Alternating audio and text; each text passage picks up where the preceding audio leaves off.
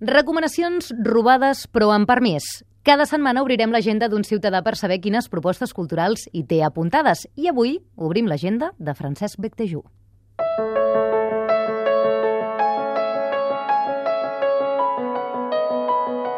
Em dic Francesc Becdejú, estic llicenciat en Sociologia i he treballat d'editor quasi tota la meva vida. Actualment estic jubilat, però en actiu. Faig diverses activitats, sempre al voltant del món del llibre.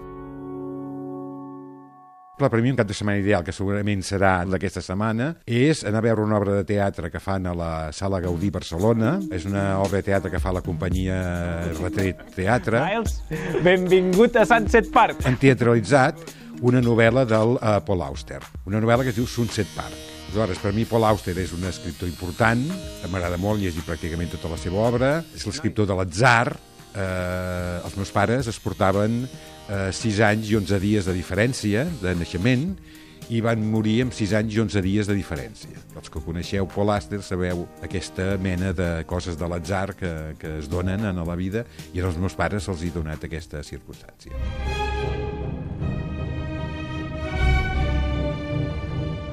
Abonament a l'auditori. Hi ha una cosa molt curiosa, fan una, un concert sobre la música del Senyor dels Anells. Per exemple, això és una cosa que a mi personalment m'agradarà perquè està basat en una obra que m'agrada molt, he vist les pel·lícules que m'han agradat molt i em fa pues, una especial il·lusió.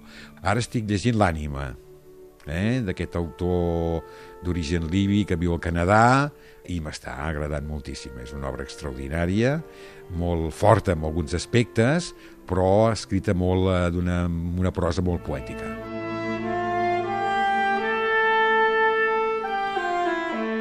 I també hi ha una altra cosa molt interessant. Properament tenim eh, la ciutat d'Arenys de Mar, que té un teatre, el teatre principal és un teatre antic de la ciutat, que programen eh, via satèl·lit òperes i ballets eh, en directe, via satèl·lit, des del Royal Opera House o des del Teatre Nacional de París o de vegades des d'algun teatre italià. Aquest trimestre, o sigui, des del setembre fins a final d'any, doncs hi ha diverses òperes importants, hi ha el Barbero de Sevilla, hi ha Tosca, i és un tema fantàstic perquè és un preu molt econòmic, bueno, tenim a quatre passes de casa i és extraordinari el so, la, la, la imatge, fantàstic. I en directe des dels millors teatres del món.